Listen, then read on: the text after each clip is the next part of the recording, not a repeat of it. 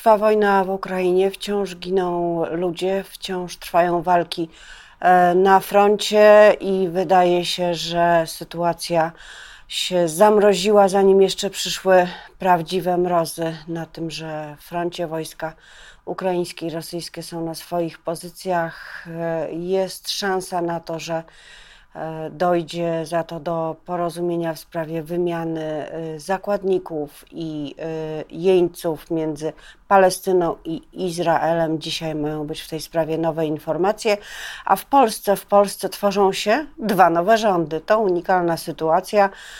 Zarówno Prawo i Sprawiedliwość, jak i ugrupowania dawnej opozycji demokratycznej E, budują przyszły gabinet. E, o tym, czym on ma się zająć e, i dlaczego to także powinna być sytuacja na granicy polsko-białoruskiej, już za chwilę będę rozmawiała z moim gościem, Zuzanna Dąbrowska. Dzień dobry. A moim gościem jest poseł Koalicji Obywatelskiej Franciszek Starczewski. Dzień dobry, panie pośle. Dzień dobry, pani redaktor. Dzień dobry, witam państwa. E, Sejm działa bardzo krótko, ale to pierwszy kawałek realnej władzy i odpowiedzialności, który przejęła nowa większość e, złożona z Koalicji Obywatelskiej, Trzeciej Drogi i Nowej Lewicy. E, zaczyna się kolejne posiedzenie, będą powstawały komisje w nowym składzie, w nowej obsadzie, ale jeden z zespołów zaczął już działać. Co to jest za, za zespół i Czego dotyczyły prace? Zespół, który, jak rozumiem, ma Pani na myśli, e, powstały z inicjatywy Janki Ochojskiej, e, ma zamiar zająć się przygotowaniem szkicu e, polskiej polityki migracyjnej. Nosi nazwę póki co Zespół do Spraw Pomocy Humanitarnej, ale chcemy tę nazwę rozszerzyć właśnie o pomoc politykę migracyjną, bo brak tej polityki, brak e, realnych e, działań w oparciu o, o prawo skutkuje tym, co się dzieje na e, granicy polsko-białoruskiej, czyli chaosem, kryzysem humanitarnym i mimo wielkich deklaracji rządu Prawa i Sprawiedliwości, to ta granica nie jest ani bezpieczna, bo przekraczają e, w, tym roku już e, zgodnie z mm, wskazaniem Straży Granicznej ponad 17 tysięcy osób, a z drugiej strony e, nie jest bezpieczna również dla tych osób, które tę granicę przekraczają. Cały czas są pushbacki, cały czas mimo ubiegu wielu lat ten kryzys nie zbliżył się do końca, nie ma tutaj żadnych rozwiązań. Więc. No tak, ale Panie pośle, bo powiedział Pan o polityce migracyjnej, a to jest zadanie e, pewnie, jeśli nie na lata, to co najmniej na rok. Nie udało się e, rządowi PiS, ale nie udało się też poprzednim rządom. Więc e, który cel jest bliższy? Nie, nie ulega wątpliwości, że ten temat jest bardzo szeroki, bardzo rozległy i mm, my nie mamy zamiaru mm, zastępować tutaj e, ministerstw, które za, chwilkę się sprawą e, będą musiały zająć, tylko jako zespół e, postanowiliśmy stworzyć takie forum, w którym organizacje pomocowe, które w ostatnich miesiącach, w ostatnich latach zastępywały państwo, mogłyby podzielić się swoim doświadczeniem, E, powiedzieć, jak sytuacja wygląda, co powinno się zmienić. E, na pierwszym spotkaniu e, w zeszłym tygodniu konsorcjum migracyjne przedstawiło swoją prezentację ze swoimi takimi podstawowymi rekomendacjami, bo mm, chcemy po prostu naszkicować pewnego rodzaju mapę drogową dojścia do tej polityki migracyjnej i wyznaczyć takie fundamentalne, podstawowe kroki, jak na przykład e, roz, rozwinięcie czy wsparcie e, Krajowego Mechanizmu Prewencji Tortur z Biura Rzecznika Praw Obywatelskich, e, jak na przykład poprawę funkcjonowania Państwowej Inspekcji Pracy, e, bo e, mówimy nie tylko właśnie o osobach e, czy cudzoziemcach na samej granicy polsko-białoruskiej, mówimy o wszystkich osobach innego pochodzenia, które na przykład już są na rynku pracy i musimy zrobić wszystko, żeby te osoby mogły mieć poczucie godnej pracy, sprawiedliwości, bo jeżeli zapewnimy im właśnie podstawowe warunki do, dla życia i rozwoju, to w przyszłości będziemy mogli uniknąć różnych problemów, różnych patologii społecznych. Więc to są kwestie systemowe, wieloletnie, wielowątkowe, ale tym y, kolejnym podstawowym mm, wątkiem, podstawowym celem y, jest y, zatrzymanie tej haniebnej sytuacji, która dzieje się na polsko-białoruskiej granicy, zatrzymanie pushbacków, zatrzymanie okrucieństwa oraz takie mm, rozpoczęcie poważnej dyskusji nad polityką migracyjną na poziomie europejskim, na poziomie Komisji Europejskiej, bo tylko razem jako Unia Europejska możemy migracji, przeciwko trzymaniu e, tego typu e, e, kryzysowym sytuacjom. A czy y, wie Pan i czy wie już zespół, czy też była jakaś rekomendacja organizacji, które były obecne, co trzeba zrobić, żeby już od zaraz, od jutra te pushbacki ustały? Czy to jest tylko praktyka i bezpośrednie rozkazy dowódców Straży Granicznej i dowódców wojskowych, czy też należy poczynić jakieś zmiany prawne?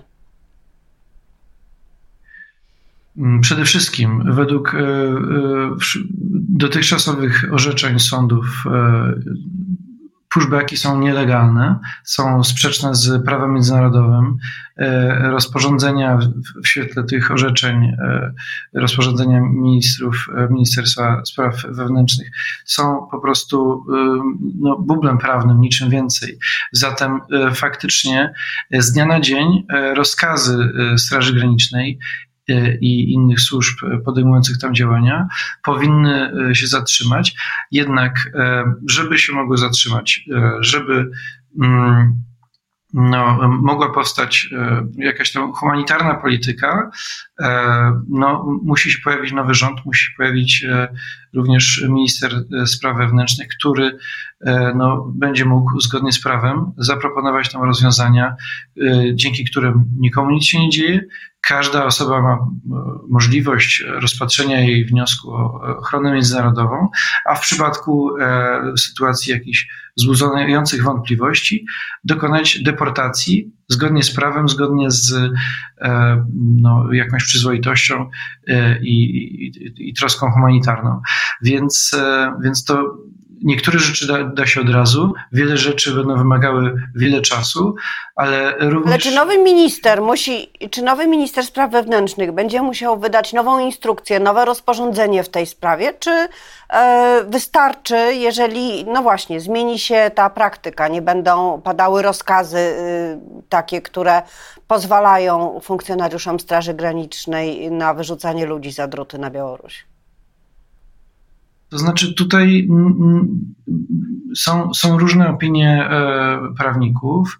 Właśnie jedni wskazują, że, e, że skoro rozporządzenie dotychczas to funkcjonujące, pushbackowe jest nielegalne w świetle prawa, to można po prostu nie zwracać na nie uwagi, ale inni zwracają uwagę, że e, trzeba by wydać kolejne rozporządzenie, żeby, żeby e, unieważnić to poprzednie.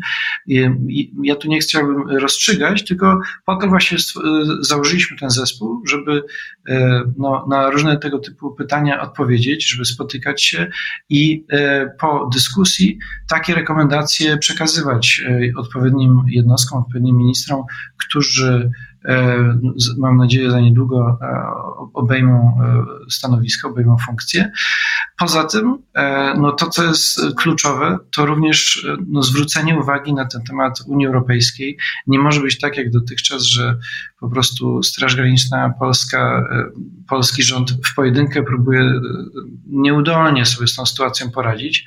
Tutaj, jeżeli chcemy chronić tej granicy, wspólnej granicy unijnej, granicy Schengen, Unia również musi ponosić koszty tej ochrony, więc również będziemy starać się no, takie rekomendacje dawać, żeby no, nie tylko Polska ponosiła koszty i ochrony, i pomocy dla tych osób. No, to jest wielkie wyzwanie, nie mam wątpliwości.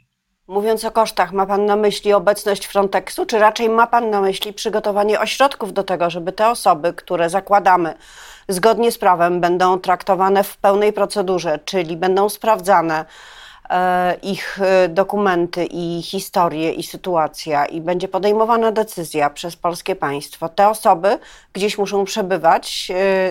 E, no wiadomo, że sytuacja ośrodków w Polsce są to albo ośrodki strzeżone, które mają warunki więzienne, i tam właściwie powinni trafiać ludzie chyba tylko oczekujący na deportację, o ile w ogóle ktokolwiek bez udowodnionej winy.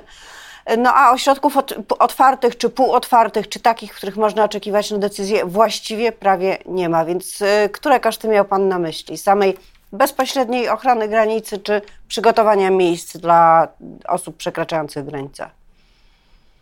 Szczerze, jedno i drugie, bo nie może być tak, że granice przekraczają osoby y, właśnie nieuprawnione, nie ma nad tym żadnej kontroli, że te osoby po prostu nie wiemy, co się z nimi dzieje. A niestety wiemy o takich przypadkach i są to tysiące.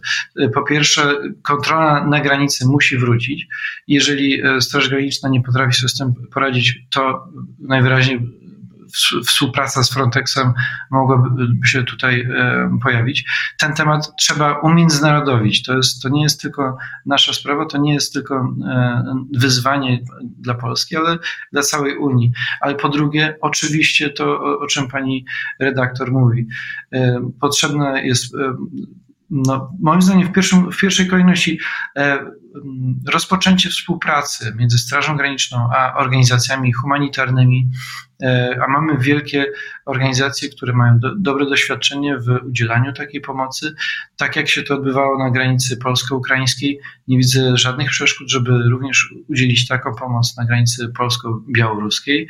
E, właśnie podać szklankę wody, e, wyleczyć z, i, i, i rozpatrzyć właśnie te wnioski o, o międzynarodową ochronę. Oczywiście trzeba zwiększyć ilość takich ośrodków, trzeba zapewnić, żeby żeby te ośrodki mogły jakkolwiek być uznane za miejsce e, no, normalnego przebywania.